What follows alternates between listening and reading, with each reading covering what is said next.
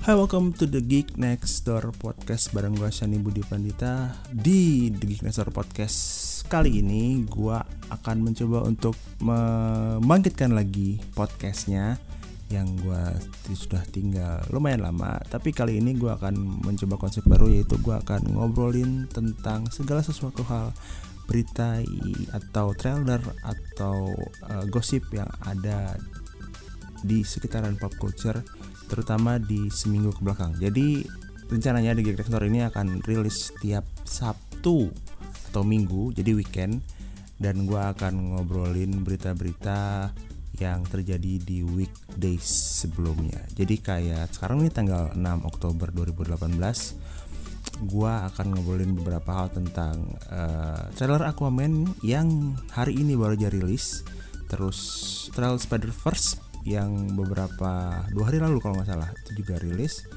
Lalu ada dua topik besar yang lumayan uh, menarik perhatian yaitu pertama adalah Star Wars series yang akan rilis di Disney streaming channel service dari direkturnya Iron Man yaitu John Favreau. Dia memproduksi series dari Star Wars yang namanya The Mandalorian. Satu lagi adalah mungkin kita akan membahas sedikit tentang tweet nya Chris Evans yang kemarin itu sempat bilang kalau dia sudah selesai syuting uh, Avengers 4 dan gosip-gosipnya nih ini adalah uh, film MCU terakhir dia. Jadi let's start with the first news. Jadi tiga jam lalu yang mana sekitar jam 11 Aquaman merilis trailer barunya The interesting part is I'm maybe not the biggest fan of DCEU. Mungkin film DCEU yang paling menarik buat gua adalah uh, Wonder Woman. Di di trailer ini cukup panjang ya. Trailer kemarin itu cukup panjang sekitar 6 menitan. Gua nggak tahu kenapa mereka merilis trailer 6 menit. Mungkin karena mereka pengen ngeliatin kalau uh, keren-kerennya di mana tapi merasa terlalu panjang ya terlalu banyak yang diliatin uh, adegan action terutama. Takutnya tidak surprise lagi gitu. 6 menit is a long time for a trailer mungkin ya 2 sampai 3 menit lah. Jadi masih ada surprising moment mungkin ya kalau pas gua nonton. Kalau 6 menit tuh berasa they, they, they spoil it too much. Mungkin mereka ada kepentingan untuk ngeliatin ini film ini beda loh sama DCU yang lainnya which is mungkin benar aduh gua kayak Jakarta Selatan banget ngomongnya which is which is. Mungkin benar uh, karena dari tonnya seperti dari ton trailer pertama ya. Trailer pertama itu tonnya memang memang tidak se uh, dark sedark di CEO gitu. Di trailer ini beberapa hal yang gue uh, tunggu.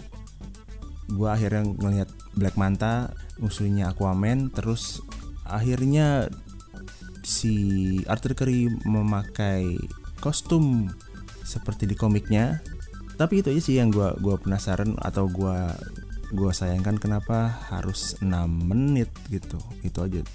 The overall trailer nggambarin sih gambarin kayak uh, kalau kalau trailer, trailer pertama tuh banyak orang yang bilang wah ini reverse-nya Black Panther gitu. Karena kan uh, ceritanya kan gitu kan. Merebut tahta dan lain-lain gitu kan. Terus yang ini ini juga nggak kelihatan gitu sih. Ini kelihatan ini lebih 6 menit tuh lebih ngeliatin action actionnya banyak banget. Itu kayak hampir satu atau setengah scene sendiri antara merah dan uh, uh, yang dikejar-kejar sama Black Manta. Jadi gue nggak tahu kenapa mereka memutuskan untuk memperlihatkan itu di trailer gitu. Tapi gue gue salah gue gue akan tetap nonton sih. Gue akan tetap nonton uh, filmnya akan rilis 21 Desember.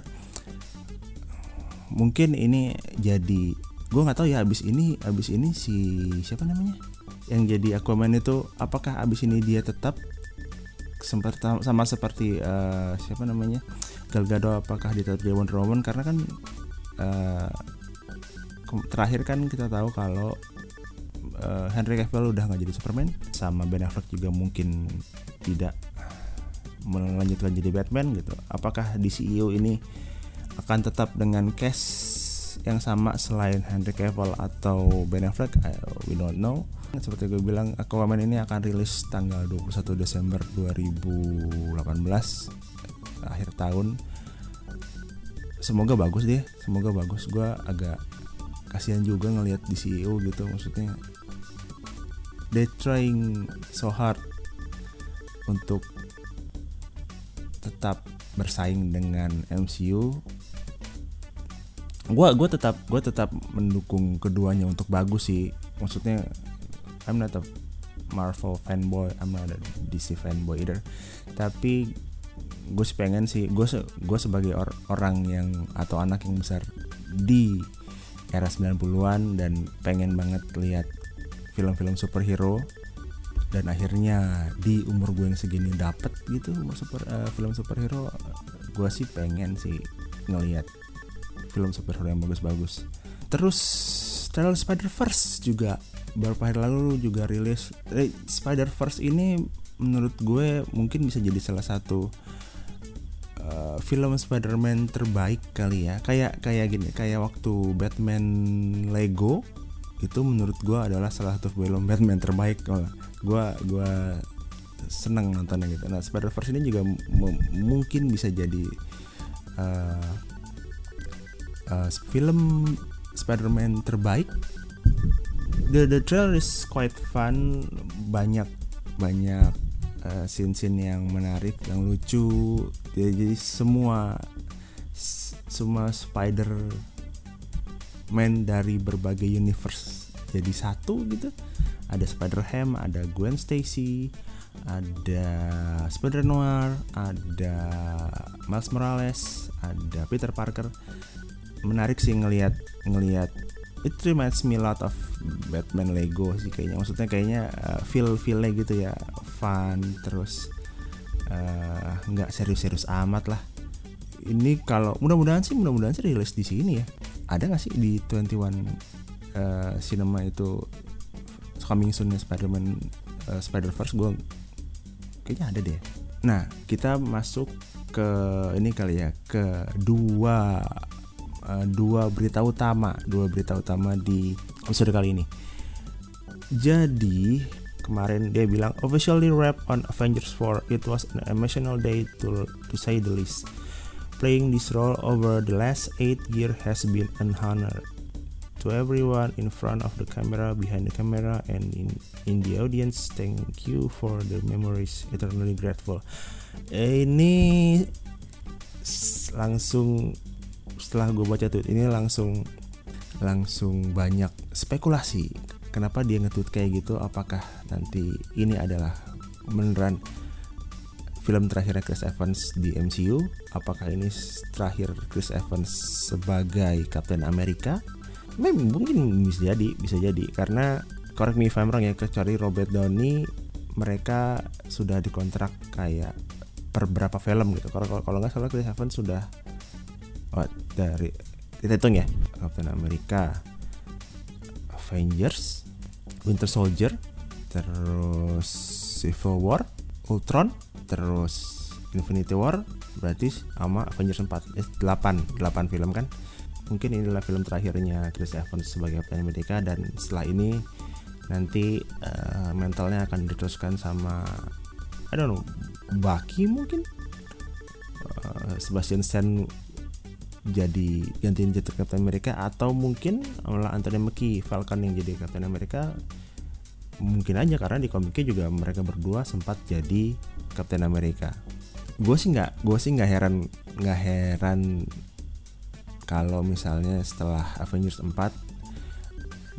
senior senior senior senior uh, apa namanya MCU ya kayak Robert Downey, Chris Evans, uh, Chris Hemsworth, siapa lagi? Uh, Black Widow uh, Jeremy Renner mungkin nggak melanjutkan atau sudah digantikan dengan yang junior junior gitu kayak Black Panther, Captain Marvel, Strange, Spider-Man gitu. Karena uh, gue juga sering ngobrol sama istri gue yang kebetulan adalah seorang uh, MCU fan gitu dia juga bilang kalau sangat mungkin kalau dua punggawa dua punggawa Avengers uh, either Robert Downey or Chris Evans akan mati di Avengers 4 gitu. I don't know how I don't know why I don't know when. Mungkin nggak tahu gimana. Tapi sih kayaknya bener sih maksudnya uh, mungkin jadi kayak apa ya jadi kayak it's been eight years. Eh lebih 10 10 tahun?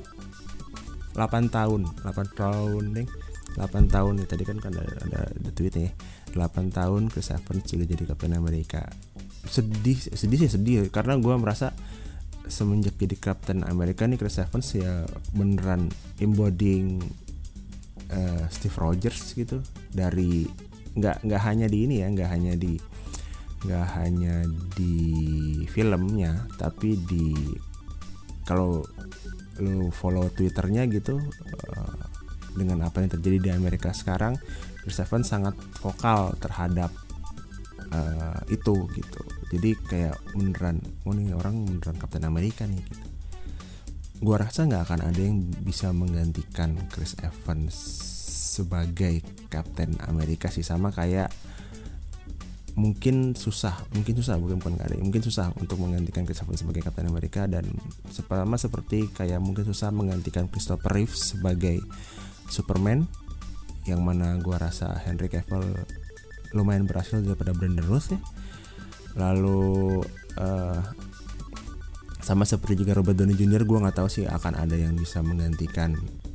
Mungkin nanti sih ributnya mungkin berapa puluh tahun lagi mungkin akan ada yang bisa menggantikan. Tapi untuk sekarang kayaknya tidak ada yang bisa menggantikan Chris Evans sebagai Captain America dan Robert Downey sebagai Iron Man gitu. Dulu gue sempat waktu pertama kali tahu Chris Evans jadi Captain America gue sempat sanksi karena sebelumnya kan dia jadi Johnny Storm kan di Fantastic Four yang Fox yang ya lo lebih lumayan daripada yang ribut lah. Terus ternyata bagus banget mainnya terus 8 tahun itu kayak ngebentuk dia beneran jadi uh, seorang Kapten Amerika gitu. Gue sih penasaran sih maksudnya penasaran sebagai gimana cara eh, gimana nanti dia uh, mengakhiri mengakhiri uh, Kapten Amerika gitu karena kat, kalau kata gue baca beberapa hari lalu di tweet mana gitu Russo Brothers bilang Avengers 4 ini tidak ada referensi komiknya atau nggak be nggak berdasarkan komik sesuatu. Kan kalau Infinity War kan Infinity War Civil War Civil War. Ada masih ada masih ada temanya lah walaupun masih dekat dengan temanya walaupun mungkin tidak apa ya uh, tidak sama persis dengan komiknya tapi kalau misalnya Avengers 4 kayaknya bener-bener fresh deh. Maksudnya tidak tidak apa ya tidak mengikuti base dari komik mana-mana gitu. Jadi kayaknya menarik menunggu menunggu uh, bagaimana si Avengers 4 ini uh, jalan ceritanya gitu. Lalu satu berita lagi, dua hari lalu John Favreau itu jadi gini, waktu kalau nggak salah uh, kira-kira awal tahun ya sekitar April lah April Maret gitu uh, ada kabar kalau John Favreau akan memproduksi salah satu uh, TV series atau series dari Star Wars live action series Star Wars yang akan dirilis di Disney streaming service. Nah, gue sebelum ngomongin seriesnya ngomongin Disney streaming service dulu kali ya. Jadi Disney itu akan merilis service seperti Netflix gitu yang isinya semua adalah film-film uh, yang di bawah naungan Disney atau yang dipunyai Disney. Jadi kayak uh, Marvel, Star Wars, apalagi uh, gue nggak tahu Fox akan masuk apa enggak tapi ya gitulah intinya itu akan akan rilis dan beberapa kemarin beberapa beritanya akan ada seri-series limited series kali yang atau terbatas gitu di bawah 10 episode. Kayaknya sudah confirm ya kalau misalnya Scarlet Witch dan uh, Loki akan punya seri sendiri di Disney streaming service dan akan jadi salah satu uh, launch title-nya dari Disney streaming service itu. Yang menariknya adalah uh, karakter itu dimainkan sama uh, aktor aslinya gitu. Jadi Tom Hiddleston dan Elizabeth Olsen juga tetap akan memerankan mereka di series itu gitu. Uh, Disney juga kan punya Star Wars. Jadi waktu Maret itu dibilang kalau John Favreau akan memproduksi salah satu live action series Star Wars. Dua hari lalu dia akhirnya men, men bukan mentweet nih di Instagramnya mem, memposting kalau judulnya adalah The Mandalorian gue bacain sedikit uh, apa namanya tweetnya atau postnya After the stories of Jango and Boba Fett, another warrior emerged in Star Wars universe. The Mandalorian is set after the fall of Empire and before the emerge of the First Order. We follow the travels of a lone gunfighter in the outer reach of the galaxy far far from the authority of the New Republic. Uh, jadi setelah beberapa gua cari beritanya setting dari live action series ini adalah tujuh tahun setelah Battle of Yavin. Berarti tujuh tahun ah, di jadi tujuh tahun setelah Battle of Yavin itu timelinenya ada di antara Return of the Jedi episode 6 dan uh, The Force Awakens episode 7 gitu. Si Lon ada Mandalorian ini katanya katanya akan diperankan oleh Pedro Pascal buat yang uh, nonton Game of Thrones mungkin lebih kenal dengan Oberyn Martell. Jadi The Mandalorian itu rencananya akan ada 8 episode dan 8 episode itu akan ditangani oleh beberapa sutradara. Jadi Don John Favreau itu hanya memproduksi dan menulis kalau nggak salah. Jadi sutradaranya itu beda-beda. Di antaranya sutradaranya itu ada Taika Waititi, uh, dari Thor Ragnarok terus ada Bryce Dallas Howard uh, pemain Jurassic World. Dan ada satu nama yang menurut gue gue tunggu adalah uh, Dave Filoni. Jadi buat yang belum tahu atau yang yang apa ya yang tidak mengikuti universe atau berita Star Wars Dave Filoni ini adalah orang di belakang animasi Star Wars Clone Wars dan uh, Rebels Star Wars Rebels gitu. Dia sangat dia sangat menurut gue dia sangat uh, suka Star Wars dan dia tahu banget universe Star Wars kayak gimana.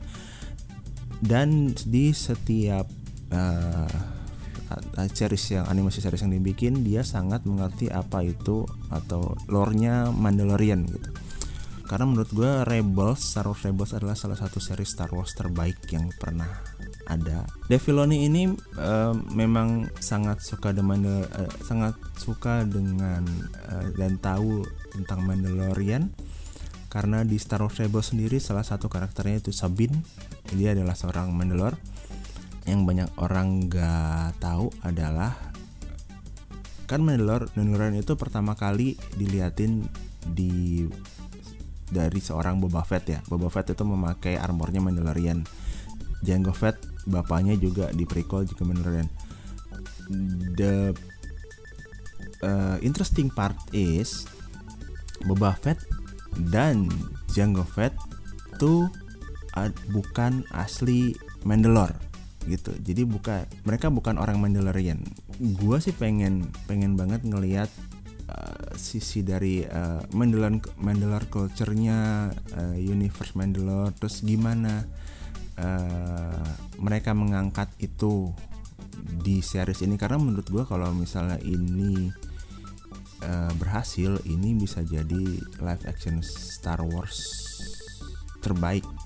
Orang-orang di belakangnya ini memang benar-benar tahu Star Wars kayak apa terus uh, apa namanya menarik melihat apa apa aja yang diangkat. Karena gue gue sempat waktu gue tahu uh, berita ini dan gue belum baca-baca lagi gue bilang kalau gue tid gue tidak mau atau gue uh, lebih memilih untuk si live action Star Wars ini karakternya baru gitu. Ada ada cameo nggak apa-apa tapi karakternya baru tidak mengangkat jadi bukan originnya Boba Fett bukan originnya Sabine bukan originnya Jango Fett gitu lebih menarik kalau seperti yang gue bilang kalau misalnya lo ngikutin Twitter gue ya, gue ber, mungkin berkali-kali bilang kalau Star Wars universe itu luas banget gitu. Jadi apalagi TV series bisa ekspor banyak banget jadi gue rasa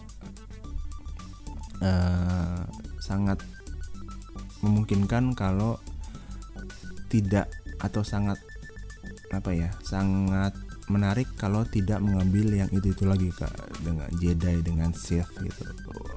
Bagus sih ada ada ada mungkin ada lightsaber dan lain-lain menarik tapi gue pengen orang tahu kalau Star Wars itu bukan hanya Jedi dan Sith gitu. Jadi this live action series Star Wars mungkin akan uh, menjawab itu sih gitu.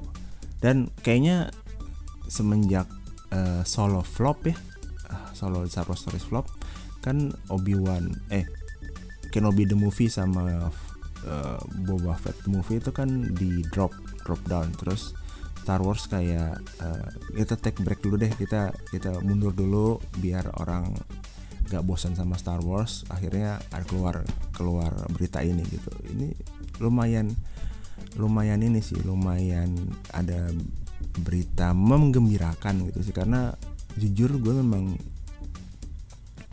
sempet agak-agak kayak Star Wars fatigue gitu ya yang setahun sekali setahun sekali keluar tuh uh, apa ya uh, kayaknya memang tetap tetap gue nonton sih tapi tetap kayak aduh Star Wars lagi Star Wars lagi gitu loh that's it for this episode. Terima kasih udah dengerin uh, episode perdana kali ya dari The Geek Next Door Weekly. Uh, minggu depan gue akan balik lagi dengan berita-berita yang baru. Semoga banyak beritanya. Uh, dan nggak kalau minggu ini kan kayaknya terlalu uh, eh, MCU centric ya Disney centric mudah-mudahan di minggu depan akan lebih beragam sih. Gue pengen ngomongin komik gue pengen ngomongin game gue pengen ngomongin uh, apa ya uh, buku mungkin gitu atau film mungkin yang lain selain film superhero So thank you for listening. See you in the next episode of The Geek Next Door Weekly bareng gue Shani Budi Pandita. Bye.